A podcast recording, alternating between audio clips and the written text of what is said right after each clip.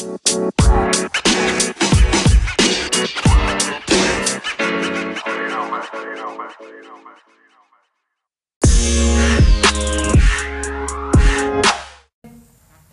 saya mau mulai dari values dulu kali ya. Karena tadi pertanyaannya sebenarnya awalnya adalah apakah kita sudah siap atau belum.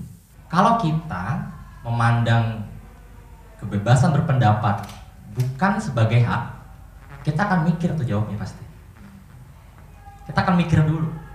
Tapi kalau kita dari awal sudah mengatakan bahwa secara values nih, bahwa kebebasan berpendapat adalah hak, kita sudah punya stand jelas sebenarnya di situ bahwa terlepas dari masalah argumentasi, kualitas pendidikan dan segala macam itu, ya kebebasan berpendapat harus dilindungi karena itu adalah basic values. Misalkan dalam sebuah negara yang katanya negara demokrasi. Di situ kita harus selesai dulu sebenarnya secara values gitu. Sehingga kita baru bisa step ke depannya untuk ngomongin yang tadi soal kualitasnya seperti apa. Itu dasarnya entar dulu gitu. Kalau kita ngomongin kebebasan berpendapat, kata kebebasan itu tuh konteksnya apa?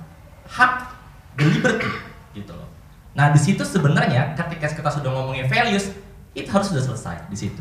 Kalau kita belum selesai, berarti values kita yang belum selesai. Gitu. Kalau kita belum selesai di situ, berarti kita semua, hampir semuanya mungkin yang dari itu ngomong belum selesai sama values demokrasi itu sendiri. Gitu. Kalau boleh ngomong. Itu satu. Nah, kalau masalah tadi, bagaimana kita memanfaatkan kebebasan itu sebagai sebuah hak itu perdebatan selanjutnya kayak misalkan oke okay, tingkat pendidikan ke atau misalkan apa kedewasaan dan segala macam kita butuh proses butuh waktu dan kebebasan itu sering kali juga kita kan take it for granted gitu loh kebebasan sendiri sebenarnya adalah perjuangan politik karena background saya politik jadi itu kebebasan adalah perjuangan politik gitu dan itu tidak bisa take it for granted juga nah itu sedikit dulu lah untuk soal yang tadi. Saya mau kasih data sedikit soal ITE karena tadi Pange mulai dengan langsung ITE gitu. Penelitian SafeNet 2018 nih. Ada kasus ratusan, dua ratusan kasus pelaporan undang-undang ITE. Most of them itu defamasi. Ya. Dan jumlah itu bahkan melampaui total kasus undang-undang ITE dari tahun 2017 ke belakang saat pertama kali undang-undang itu ada. Menandakan apa? Bahwa undang-undang ITE semakin ke sini memang semakin dipergunakan. Terlepas mau tahun politik mau apa enggak, itu digunakan. Jadi kalau mau sharing sedikit, dulu kita bikin ada studi lah saya kantor saya. Studi soal original intent dari undang-undang ITE Tadi kalau uh, Mas Reza ya memulainya misalkan dari dalam konteks KUHP sebenarnya kan konteks defamasinya sebenarnya. Tapi kalau kita ngomongin undang-undang ITE, ya, itu undang-undang apa sih sebenarnya? Itu bukan undang-undang kebebasan berpendapat awalnya. Itu undang-undang diciptakan untuk membantu transaksi elektronik. Untuk apa? Melindungi hak produsen dan konsumen dalam transaksi elektronik. Gitu. Salah satunya yang teknis apa? apa electronic signature yang sekarang sudah ada di perbankan itu dari ITE. Nah, kajian-kajian yang awalnya itu dibuat untuk bisa mendukung transaksi elektronik, ketika masuk DPR nih Mas Idris, ketika masuk DPR, pasal yang tadi dibilang sama abangnya itu baru muncul. Boleh cek naskah akademik, ada nggak itu? Kajian soal defamation, lalu apa penghinaan, apa ada mas? Gak ada. Kalau ngomongin KUHP ya itu perbuatan lain tuh. Memang kita bisa ngomongin baru konteks defamasi sebagai kayak mengrongrong.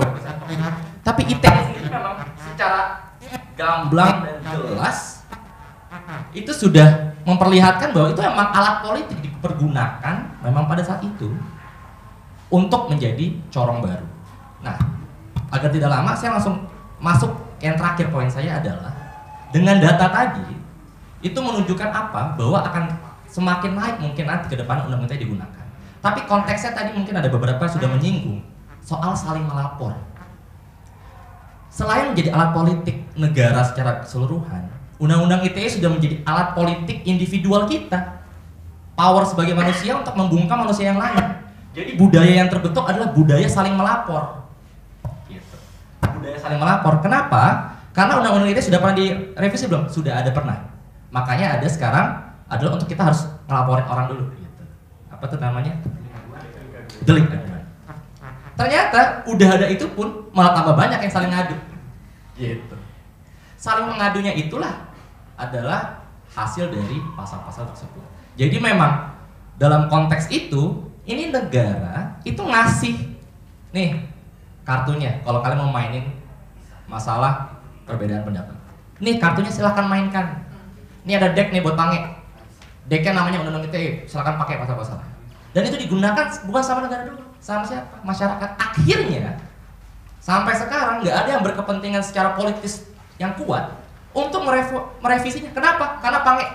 Kalau gua du kalau dukung undang-undang ITE direvisi nanti suatu saat Afu ngehina gue, gue gimana? Nah, That's the kind of logic yang sekarang kita bermain dalam undang-undang.